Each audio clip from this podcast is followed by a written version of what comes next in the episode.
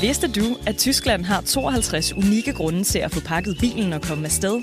Med 52 kulturskatte, steder og traditioner på UNESCO's liste, og en verdensarv på mere end 7.000 år, kan en tur til Tyskland blive en enestående mulighed for at rejse tilbage i tiden. Find mere inspiration til din næste Tysklandsrejse på germany.travel. politikere i det her land, der reelt har visioner. Magtafgangse, siger jeg bare. Priserne stiger og stiger og stiger. Hvad gør vi ved det? Jeg er så træt af at høre på alt den spil. Det burde være et øh, korps ombudsmænd, der holdt øje. Det giver ingen mening.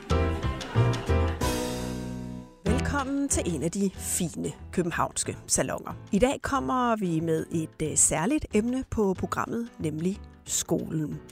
Regeringen udpegede skolen og vel at mærke den mere praktiske skole som et af regeringens fire hovedtemaer efter sommerferien. Skolen er øh, central for mange af os. Den skole, som former de første år af vores liv, hvor vi ikke længere møder helt så mange, der ikke ligner os selv, og hvor vi forsøger at skabe plads til alle, men hvor det inkluderende kan blive en konflikt. Og også hvor forventningerne til vores involvering som forældre når hidtil usete højder. Det er vores allesammen skole, eller er det? Det skal vi tale om i dag, og jeg har heldigvis fået besøg af to både begavede og bramfri damer til at diskutere alle de spørgsmål. Den ene er dig, Papa Kasten. Tak. Velkommen til. Sagt. Minus bramfri, det synes jeg. Vil du ikke gerne være det? Nå, ærlig kan jeg bedre lide. Nå, en anden variation. Du er jo øh, skuespiller og filminstruktør. Du har blandt andet lavet filmen Fædre og Møder, der øh, netop handler om en øh, række af de her spørgsmål. Ja. Så den skal vi tale om. Yes. Også velkommen til dig, Stina Vrang Elias. Tak skal du have. Du er direktør i øh, uddannelsestænketanken DEA, og kan helt bestemt også hjælpe os på vej i en række af de her spørgsmål. Velkommen begge to i Østergårds Salon.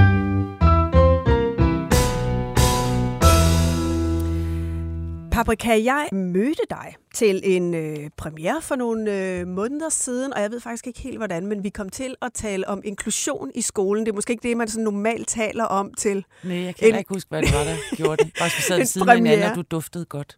Ja, kan jeg huske. det er jo god indledning til at Ja. begynde at tale om inklusion. Ja. øh, men det øh, gik op for mig, at det virkelig var en øh, kæphest for dig at udstille det øh, hyggeleri, som du synes, der er omkring inklusionen i skolen. Så jeg tænkte, at det øh, kunne vi godt tage lidt videre om i øh, salongen her i dag. Hvorfor er det et øh, emne, som ligger der på sinde? Det er et emne, der blandt andet ligger mig på sinde i forhold til øh, skolen. Altså, jeg synes bare, at inklusion er et meget godt billede på en eller anden form for idealistisk idé, som så overhovedet ikke implementeres på den rigtige måde, man forlanger. Og jeg snakker ikke som lægmand. Jeg snakker om som en menneske, som har været involveret i min søns skolegang. Altså, det er der, jeg kender det fra, og så kender jeg min egen skolegang. Hvad var det, øh, nu siger du, du øh, har oplevet det øh, både på egen krop og i forhold til din søn. Hvad var det i forhold til din søns skolegang, der gjorde, at du blev opmærksom på, at her var et tema, der var udtryk for hyggeleri? Jamen, åh, det er jo ikke, altså, pff, det er jo ikke fordi, at præcis en til en af min søns skolegang. Det er jo bare sådan en vibe, jeg har. Altså, han har jo gået i forskellige skoler, så der er ingen, der behøver at føle sig truffet. men, men det er jo bare sådan en vibe, der er, altså øh, i forhold til også, at jeg har rigtig mange venner, som har øh, børn med, med særlige behov. Og så det er jo også lagt sammen med det, og jeg har hørt, hvordan det fungerer, og hvordan det absolut ikke fungerer, fordi det er meget sjældent, jeg hører, at det fungerer. Så øh, man kan sige, det er et overskud, der ikke findes. Altså måske findes det lige i den allerførste 0. klasse. Der føler jeg i hvert fald, at der var styr på det. Men når jeg laver en film, så laver jeg det ud fra en psykologi. Altså det er jo det, der interesserer mig. Det er jo ikke sådan, at jeg laver en parolefilm.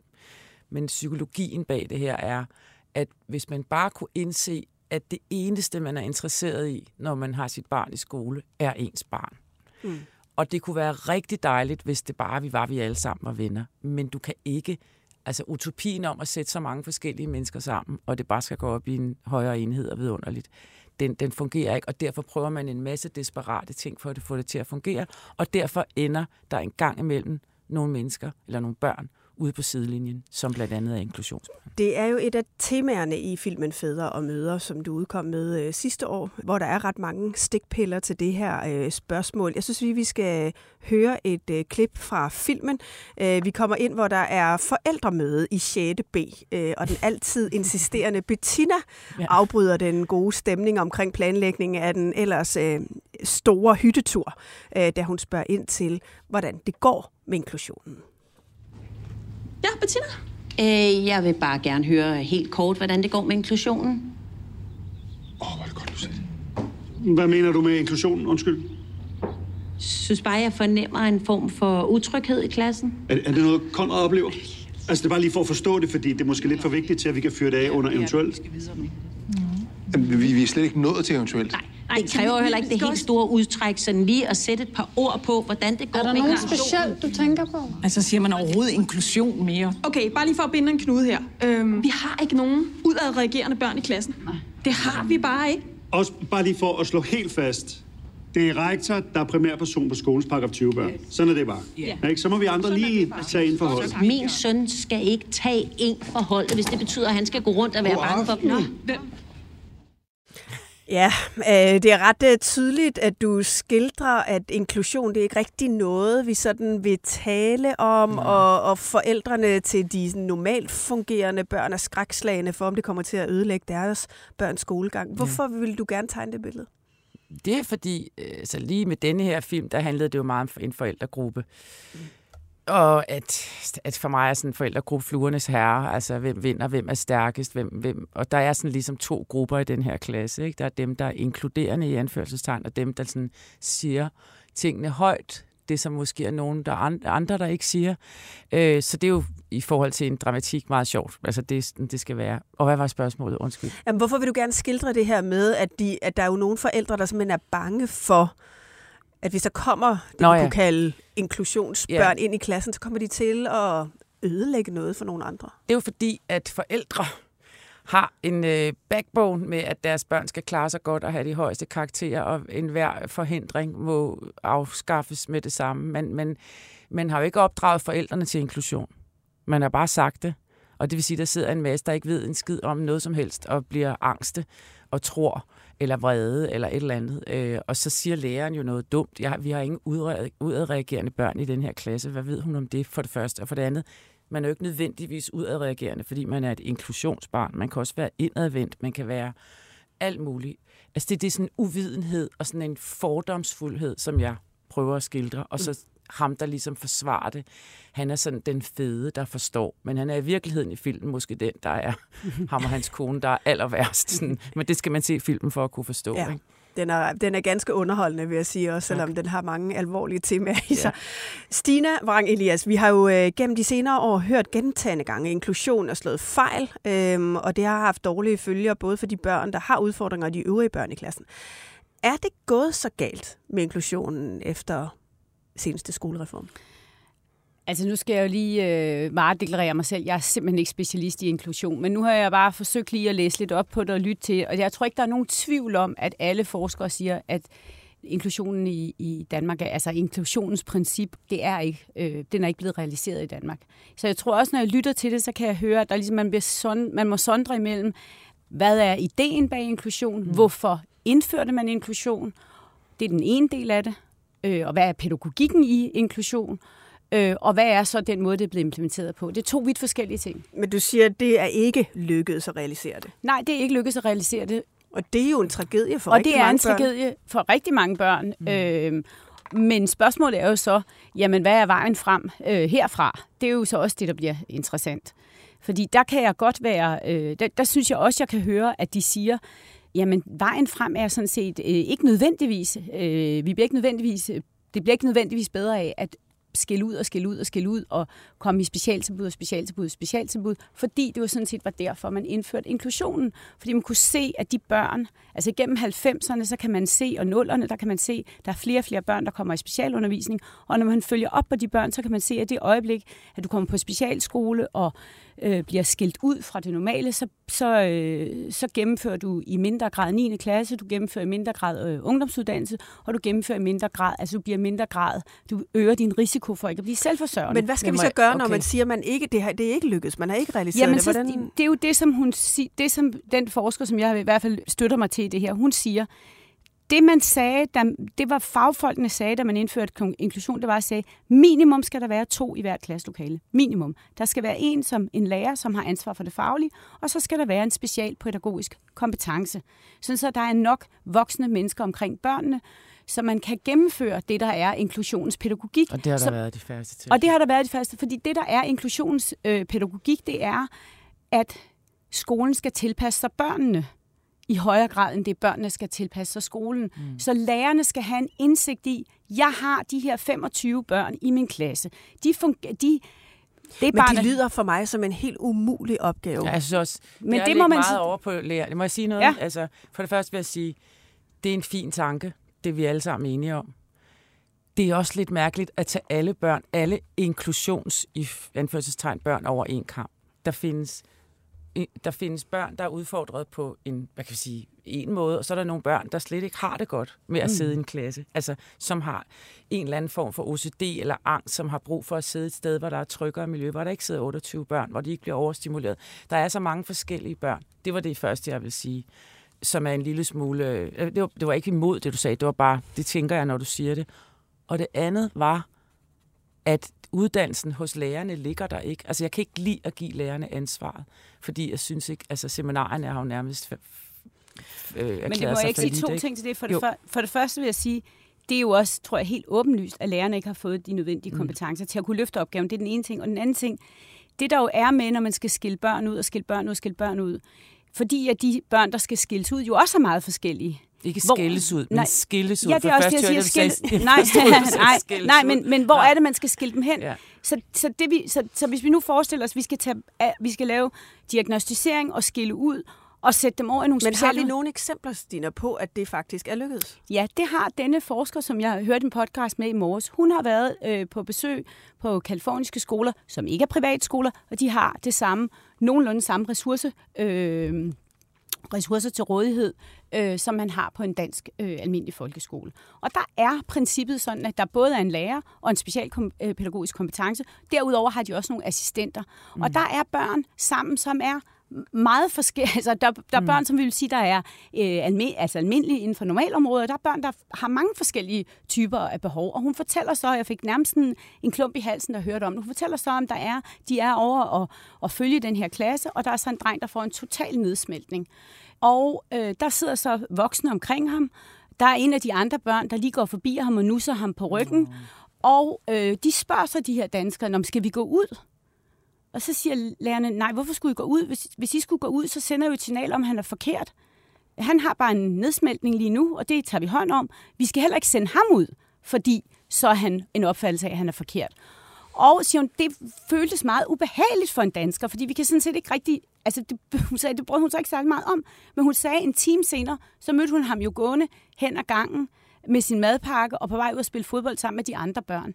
Så, så i den klasse var det lykkedes at skabe et læringsrum og et fælles rum, hvor at børnene, hvor der var voksne til at tage sig af børnene, men som jo også lærte børnene, at øh, ja, men så reagerer øh, Stina lidt øh, hysterisk lige nu, men, men det går over igen. Men, men det kræver jo ressourcer, det kræver ikke bare, det kræver, og det kræver Nej, specielt... og det er jo også spørgsmål om, hvordan man så bedst bruger de ressourcer, fordi ja. det er jo helt tydeligt, at fordi vi har nærmest opbygget sådan en økonomi, at øh, det er næsten godt, at du får en diagnose til dit barn, for så kan du få noget hjælp. Altså, der, og der er rigtig mange børn, der kommer i specialtilbud. Det er mm. nærmest en eksplosion i ja. forhold til, hvad kommunerne skal håndtere. Nu vil sige, nu bor jeg øh, selv på øh, Frederiksberg, hvor man lige har sat skatten op, blandt andet med reference til, at man skal have flere penge til specialområdet, fordi det eksploderer. Man har simpelthen ikke penge til at håndtere de her børn. Og spørgsmålet er jo så, hvad man gør, om man, man siger, okay, vi skal have flere ressourcer ind i, ind i klasserne, for vi tror stadigvæk på inklusion. Man siger, det skal bruges i specialtilbud. Vi bliver nødt til at spørge os selv af, har de børn bedst af at få diagnoser og blive sat sammen med nogle andre, der har diagnoser, som jo kan være alt muligt forskelligt, og, mm. og måske nogle også noget, der forbi jo, og nogle gange, og det vil jeg så det sige, sige, nogle, nogle børn selvfølgelig. Børn skal det, og Ja. nogle andre børn skal noget andet. Det er ja. fuldstændig ligesom en klasse. Man sætter jo ikke 19 drenge og to piger. Altså, man prøver jo ligesom at at lave et varieret øh, billede af, af en klasse. Så jeg synes bare, det er vigtigt også at sige, og det ved jeg godt, du også synes, at, at der er forskellige former for diagnoser, og, Og man jeg- er mere eller ja. mindre øh, god til at være sammen med andre mennesker. Og det er jeg fuldstændig enig om. Jeg er bare optaget af, hvad er den rigtige vej at gå? Er den rigtige mm. vej at gå et pædagogisk princip, hvor vi siger, jamen vi bliver nødt til at altså, have øh, klasser, hvor vi også kan rumme. Men, Men der, jeg skal bare lige, bryde, der er, fordi der er, jo, der er jo også en anden side af det her. Der er dels, at vi tager nogle specialklasser og putter mange børn ind i det, som gør, at der bliver nogle, hvad skal vi kalde, normalklasser tilbage, hvor flere ligner hinanden. Der er også en, en anden tendens, og det er, at der er flere og flere, der vælger privatskoler og friskoler. Øhm, og så er vi lidt fremme ved din kæphest, øh, Stina, fordi du mener jo, at hvis vi ikke møder nogen i vores skoleliv, der er forskellige for os selv, så har vi sværere ved at være villige til at betale for dem senere i vores liv. Altså underforstået hele vores samfundsmodel om, at vi bidrager over skatten til at få vores mm. samfund til at hænge sammen. Hvis vi ikke møder nogen, der er anderledes end os selv, så kan det være svært at forstå, hvorfor man skal bidrage til nogen andre. Som man ikke kender, eller hvad? Ja. Ja, okay. Prøv at forklare, hvad du mener. Jamen, det jeg mener, det er, at øh, jeg har selv gået på en, øh, en lille bitte skole øh, ude på landet, øh, hvor jeg gik sammen med Arne, som havde en, hans forældre havde et landbrug, og Jannes øh, far sad i sparkassen, og hendes mor gjorde rent på, på hjemmet, og øh, Heidis mor havde en kro, og hendes far arbejdede på havnen, og jeg selv kom fra et fuldstændig anderledes liv. Øhm, og det har jo åbnet mine øjne for, at der er mange forskellige måder at leve sit liv på, og vi har mange forskellige muligheder. Men det er vigtigt at have et perspektiv. For at forstå, hvorfor mennesker er, som de er, så bliver vi nødt til at have mødt dem. Og vi bliver nødt til at møde dem også, når vi er børn. Det er Så folkeskolen har lidt mistet den smeltedigel, Ja. som du synes, det var tidligere? Ja, folkeskolen er ikke den smelte, og har ikke den... Folkeskolen var en integrerende kraft. Folkeskolen var en måde at knytte samfundet sammen på, fordi der mødtes man høj og lav. Og det er jo forudsætningen for, at man kan forstå, hvorfor skal jeg egentlig betale ind til at have en fælles kasse, hvor... Øh, hvor vi har et fælles sundhedsvæsen, som alle kan betjene sig af, hvor vi ikke har private universiteter, men vi har et uddannelsessystem, hvor hvis du har talent, jamen så skal du ikke betale for at gå der. En af forudsætningerne for at have lyst til at betale til det, det er jo, at du forstår, at der er andre, der har mindre end mig selv, der er andre, der har andre vilkår, og derfor kan du føle en omsorg øh, med dem, og, en, og du, jeg har lyst til jo at betale skat Men til der dem. er, altså, der er jo vækst i antallet af børn, der Ja. går på privatskoler. Øh, Det har været stødt stigende over de seneste årtier. I dag går cirka hver femte barn i Mm. en fri eller en privatskole. Hvorfor er det så blevet sådan? Der tror jeg, der er to forskellige... Altså i byerne, der må man jo sige, der bor vi jo ikke sammen længere. Altså i byerne, der øh, vælger... øh, Der, der, der er steder, der er meget, meget dyre at bo. øhm, og der, altså som, som, så der er en forklaring i byerne, hvor man vælger folkeskolerne fra. Der har også været nogen, der har valgt folkeskolerne fra i byerne, fordi de har simpelthen øh, altså, de, de har været nervøse for, om, om der var for, øh, for mange med anden etnisk baggrund. Øh, Der har været mange forskellige forklaringer. Der er inklusion Der er også et inklusion tema. også et tema, ikke? Og så er der ude på landet, der er jo en anden øh, situation. Der har man jo nogle frisk, der er jo mange af de almindelige folkeskoler, som bliver nedlagt, de genopstår som friskoler. De har nok egentlig mere en sammensætning, som minder om den gamle folkeskole. Det er så bare, så der er ligesom to bevægelser, hvis I forstår, hvad jeg mener. Altså i byerne har man en bevægelse, der vælger man nok folkeskolen fra, fordi man vælger noget andet til, mm. af alle mulige forskellige grunde. Øhm, også et, tror jeg, et aktivt fravalg af, af folkeskolen. Og jeg tror også, hvis jeg skal være helt ærlig, nu siger jeg noget, som, er, øh, som jeg ikke har nogen undersøgelser på, men der er jo også noget med, at man jo gerne vil købe sine børn den bedste billet til fremtiden, og at man har en tro på, at en privatskole øh, i øh, bedre kan det end en folkeskole. Altså forældrene bakker simpelthen ikke op om folkeskolen. Og Paprika, det tema, det er også en del af fædre og mødre, det her med, at man får sit barn ind på den rigtige skole. Ja, ja. Jeg synes lige, vi skal høre et, øh, et klip mere fra filmen. Det er øh, forældrene Piv og Ulrik, som er meget opsat på at få deres datter Hanna ind på den skole, der er omdrejningspunktet i filmen.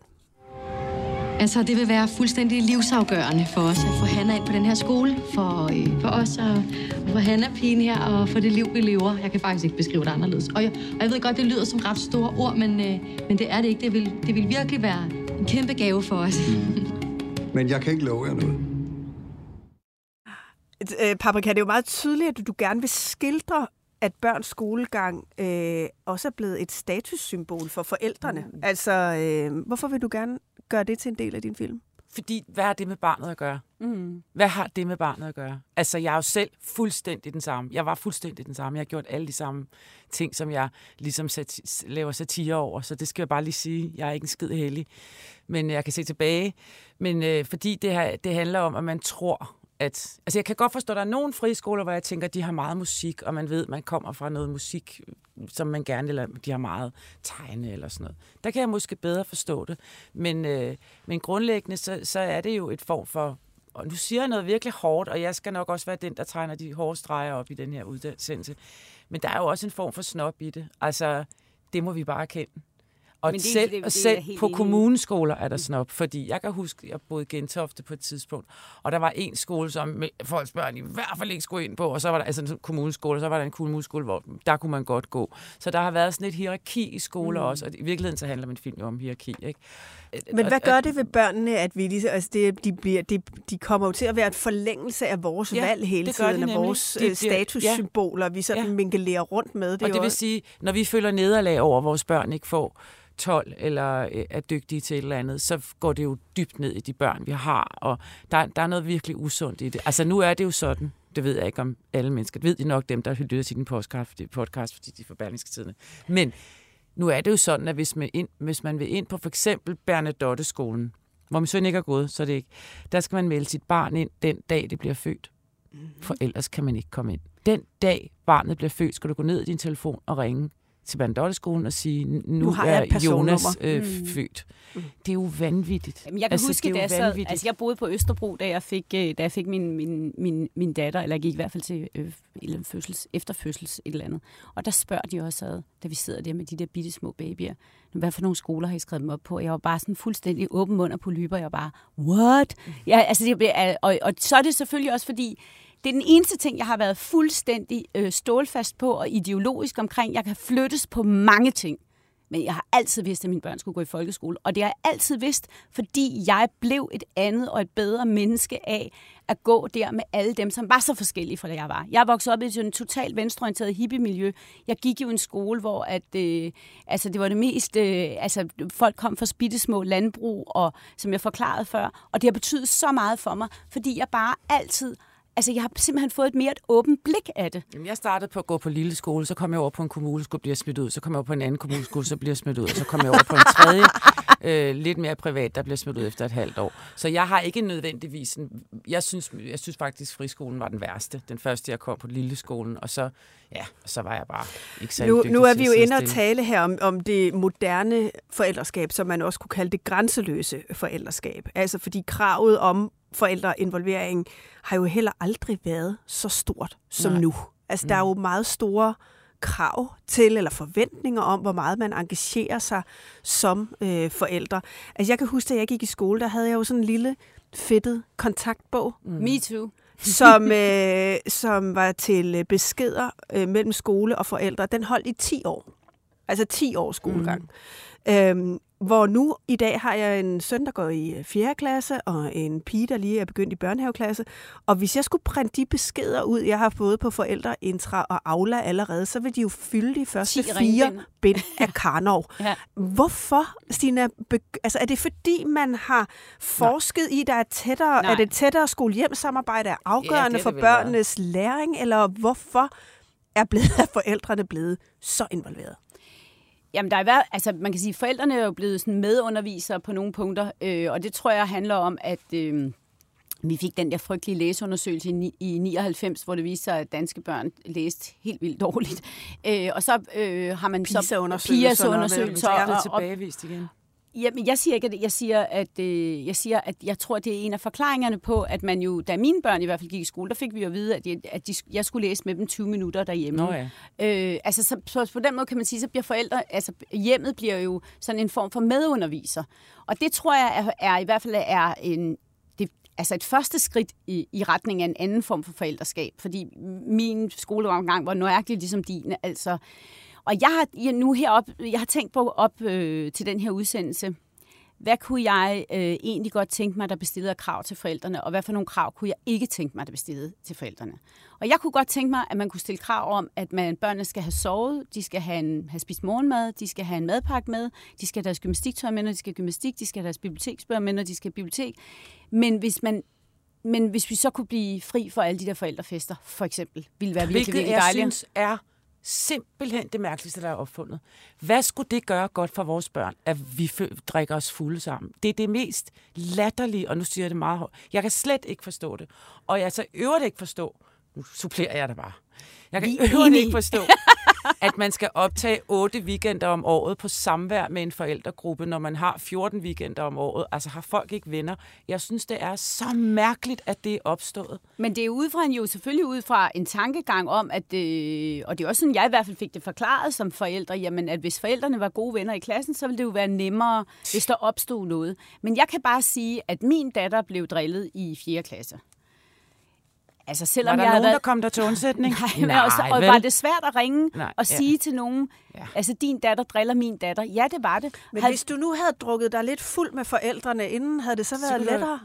Øh, nej, det tror jeg ikke, fordi jeg gik jo til de der forældrefester, men jeg synes jo, det var sindssygt bizart. Øh, jeg synes, det var bizart, at jeg skulle have passet mine børn for at gå til de her fester. Og jeg kan, hvis nu har jeg prøvet sådan at spole tilbage, min mand var aldrig med. Nej, sjovt. Det var, min, jeg, jeg, det var så mig, der ikke gik med. Ja. Jeg var til en. Det var rigeligt. Hvorfor, hvorfor synes du, det er så forfærdeligt med de forældrefester? Papa? Jeg, jeg, jeg, har- det er jo tvangsfællesskab. Det er jo også det, min film handler om. Det er jo tvangsfællesskab, ligesom julefilm også handler om. Det er jo noget, der er tvunget sammen. Det er det, jeg synes er hele problemet. Det er, der er rigtig mange idealistiske tankegange omkring inklusion, eller omkring forældreinvolvering. Men hvis ikke det implementeres ordentligt, så, så fungerer det ikke. Og hvordan skulle det implementeres ordentligt, når alle mennesker er mest interesserede i deres eget barn? Altså, når man møder op der helt forventningsfuldt med sit barn der første gang når, i 0. klasse, så i stedet for at få at vide, at jeg skal til forældrefest, så vil jeg jo egentlig gerne have at vide, kunne I ikke, øh, det er vigtigt, at I lærer jeres børn at sidde roligt på en stol. Det er vigtigt, at I lærer, jamen fordi der er Ja, jo det er jo også meget rigtigt, men der er jo netop også det her, når, vi, når alt skal puttes ind i et forældreskab, kan man jo også risikere, at ens egen ansvar forsvinder. Mm. Altså man har jo netop et ansvar for, at de kommer veludviklede, ja. veludviklet, ja. veludvilet og har spist og har lavet deres lektier og Men så videre. det, ja, det er, har man, altså jeg, men jeg tænker tilbage på en, en morgen der, hvor jeg afleverede min datter, og så står der en anden mor, og så siger hun til mig, ja, i dag startede de klokken 8.00 dut, altså helt forarvet. Og jeg var bare sådan, jamen, hvornår skulle de ellers starte? Altså, det er jo der, timen starter. Jamen, de var en familie, der godt kunne lide at have det lidt langsomt, da de gik ud af døren. Jeg var bare sådan, you've got to be fuck. Undskyld mig. Kidding me? Jamen, det altså, er fordi, det hvornår er det? Nå, men Jamen, det er jo hvornår det vil der vi... Altså, det, er jo- det, men præ- det er præcis med et Ja. eksempel på at være egoistisk omkring sit Ja. eget. Mit barn kan godt lide ikke at have... Jeg kan huske på Otto skole, der var der noget med, at I søde, det var i anden klasse, ikke at stå ind i, ikke at følge jeres børn ind i klasseværelset og stå der efter klokken ringer. Så var der en forælder, der sagde, jo, men altså mit barns behov er, at øh, jeg er der indtil der kommer en lærer, og du kommer jo også for sent altid.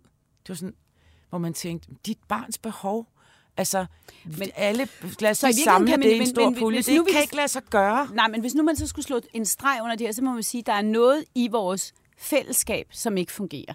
Ja. Og Øh, det det bliver jo ikke, altså, det kan man roligt sige, og det bliver jo ikke bedre af, hvis vi, at, at vi ikke bor sammen, at vi går i skole sammen, at vi aldrig nogensinde er sammen. Altså, det er jo, prøv at kigge på USA, jeg ved godt, du kan ikke sammenligne Danmark og USA på mange andre parametre, men det er jo, altså, det er jo simpelthen ikke et land, man har lyst til at komme i retning af, og det er jo det, der bekymrer mig. Det bekymrer mig med polariseringen. Det bekymrer mig med segregeringen. Det bekymrer mig, at vi ikke er sammen. Og det bliver vi jo nødt til at finde nogle fælles løsninger på, fordi ellers så er min store bekymring jo, at det samfund, som vi kender, det er i hvert fald ikke det, vi kommer til at levere til, videre til vores børn og vores børnebørn. Nu har vi uh, talt en hel del om det, der sådan er rundt om skolen, kunne man sige. uh, vi skal selvfølgelig også lige nå at tale om det faglige indhold, hvad vores børn skal lære, og ikke mindst, hvordan. Tag på en tidsrejse gennem UNESCO's eventyrlige kulturarv og oplev magien i Bremens gamle bydel, Lübecks historiske gader, eller kom med ned under jorden i den gamle Rammelsbergsmine i Niedersachsen. Find mere inspiration til din næste Tysklandsrejse på germany.travel.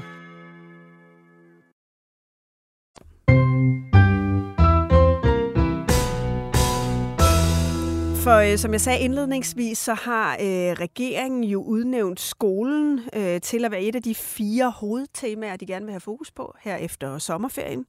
Øh, de vil gerne øh, styrke erhvervsskolerne, og så vil de gerne have en mere praktisk folkeskole. Lad os lige høre, hvad vores øh, børne- og unge undervisningsminister Mathias Tesfaye øh, siger om det emne øh, her i en øh, samtale med DR.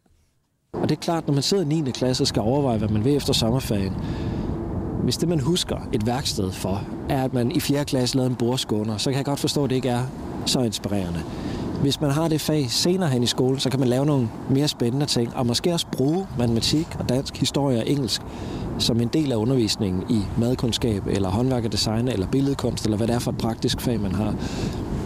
Så ja, jeg kunne godt tænke mig, at der var flere praktiske timer i slutningen af skolen, men også at indholdet af de boglige fag blev mere anvendelsesorienteret. Stina, det her, øh, det, det her også dækker over, er jo den sådan efterhånden etablerede sandhed om, at vi har for mange akademikere hmm. i det her land. Er det rigtigt? Altså, jeg ved ikke, om man kan sige, at der er for mange akademikere, men vi kan i hvert fald sige, at vi har ikke lykkedes med at... Øh, få børn og unge, det er de jo unge, når de vælger, vi har ikke få dem, lykkes med at få dem til at se hele uddannelsespaletten. Så der er jo sådan en motorvej, der går fra skole, gymnasium, universitet. Øhm, og det er ikke godt for noget samfund, fordi der er alt, alt, alt for mange pladser, kan man sige, som, som, øh, som kommer men til at løser vi så det ved at lave en mere praktisk folkeskole? Nej. Nej. Nej, men det tror jeg ikke, vi gør, for jeg tror, der er nogle andre grunde til, at vi vælger uddannelse, som vi gør. Jeg, når jeg synes, at praktisk altså mere praktik og praksis i folkeskolen kunne være en god idé, så er det fordi, at i dag så er det jo sådan, at hvis du er god til at læse en bog, så har du alle kort på hånden. Hvis du ikke er verdens bedste til det, så er der bare meget lidt for dig i den skole. Så jeg synes, at vi skal have mere praksis i skolen fra 0. og hele vejen op. Og det skal vi, fordi der skal være flere arenaer, som man kan være en succes på som barn og ung i, i skolen. Men ikke fordi man skal tage en erhvervsuddannelse, simpelthen bare fordi, at der skal være øh, en, en bredere palette, og at øh, det teoretiske og det akademiske har fået for, for stor vægt. Vi står, hvis man kan sige, hvis man stod på to ben, så øh, har, står vi for meget på det teoretiske ben i forhold til det praktiske ben. Og det tror jeg, alle børn vil have glæde af. Det her skal jo være helt fast på skemaet. Det der med at tro, at man kan få fat i en virkelig træt teenager i 8. klasse, og pludselig sådan give den noget sløjt eller noget håndarbejde. It's not gonna happen. Det skal implementeres, som du siger fra starten, så det er en vane, så det er noget, man bare gør. Og det kan godt være, at der er nogen, der synes, det er kedeligt med sløjt, og nogen synes, det er sjovt med musik. Det er sådan set lige meget. Øh, det skal være en naturlig del af det. Og, og så vil jeg bare, hvis jeg må sige noget helt andet, sådan en politisk øh, observation, så skal vi lige huske, at Anders Fogh, han lavede en, en han ville gerne have, at skolen var som da han var barn, og så kom Christina Antorini og gerne ville have børn skolen, som hun var barn, og nu kommer Mathias Esfire jeg gerne vil have det, som han var barn. Det er sådan mærkeligt for mig at se udefra.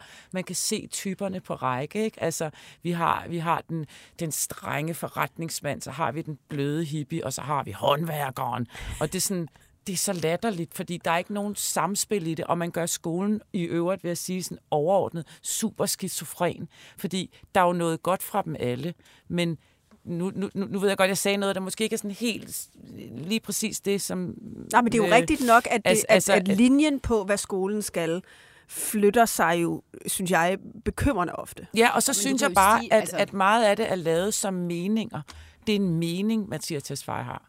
Det er mm. ikke en mm. gennemtænkt, det er ikke en gennemtænkt plan i min Hvad siger optik. tænketanken til det, Stina? Altså nu vil jeg jo gerne lige disclaimer, at jeg ikke er ekspert i folkeskolen, men jeg synes jo, at nogle af de ting, som vi taler om i dag, omkring en mere øh, praksisorienteret skole. Sådan set er nogle ting, du også kunne læse i den folkeskolereform, som, som man så bare ikke lykkedes Anders med. Fogh lavede. Nej, som ja, øh, Christina... Øh, øh, ja, ja, som, det ved jeg godt, men det blev jo også... Men, men, men jeg, det var sat i en forkert kontekst, fordi der var så meget andet, der også skulle laves i den skole, som heller ikke fungerede. Jeg tror, det, jeg tror egentlig bare, at jeg gerne vil forsvare Mathias Tesfaye i forhold til, at det her med det praksisrettet, det var også noget, vi talte om før. Han blev ret, men det skal bare ikke være i de sidste klasse, det skal være fra 0. som, ja. du, fuldstændig, som du siger, ellers ja. skal det være lige meget.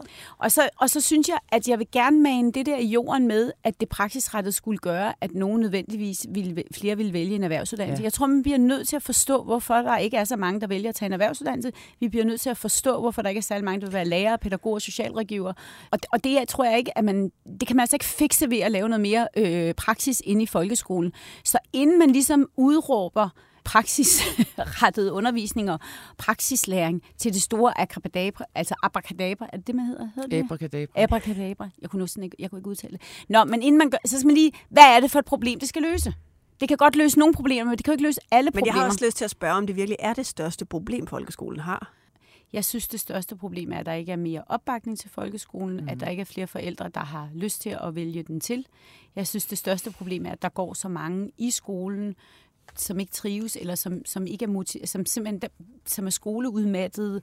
Jeg synes, vi har vi har behov for at arbejde med skolen og de betingelser, der er for at øh, lave en god skole. Og så skal vi i øvrigt lade være med at tro, at skolen kan løse alt. Det kan den simpelthen ikke. Øh, vi kan ikke vende os om til folkeskolen og tro, at den skal løse alle mulige problemer. Men det er en vigtig, vigtig, vigtig, vigtig brik og fundament for det samfund, som vi er. Og derfor så skal skolen have øh, bedre muligheder for at lykkes.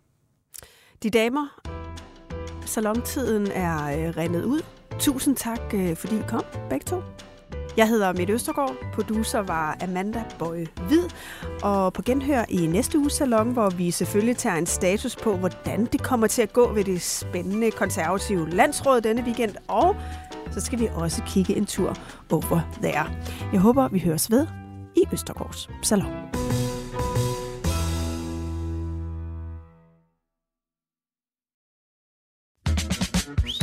Tag på en tidsrejse gennem UNESCO's eventyrlige kulturarv og oplev magien i Bremens gamle bydel, Lübecks historiske gader, eller kom med ned under jorden i den gamle Rammelsbergsmine i Niedersachsen. Find mere inspiration til din næste Tysklandsrejse på germany.travel.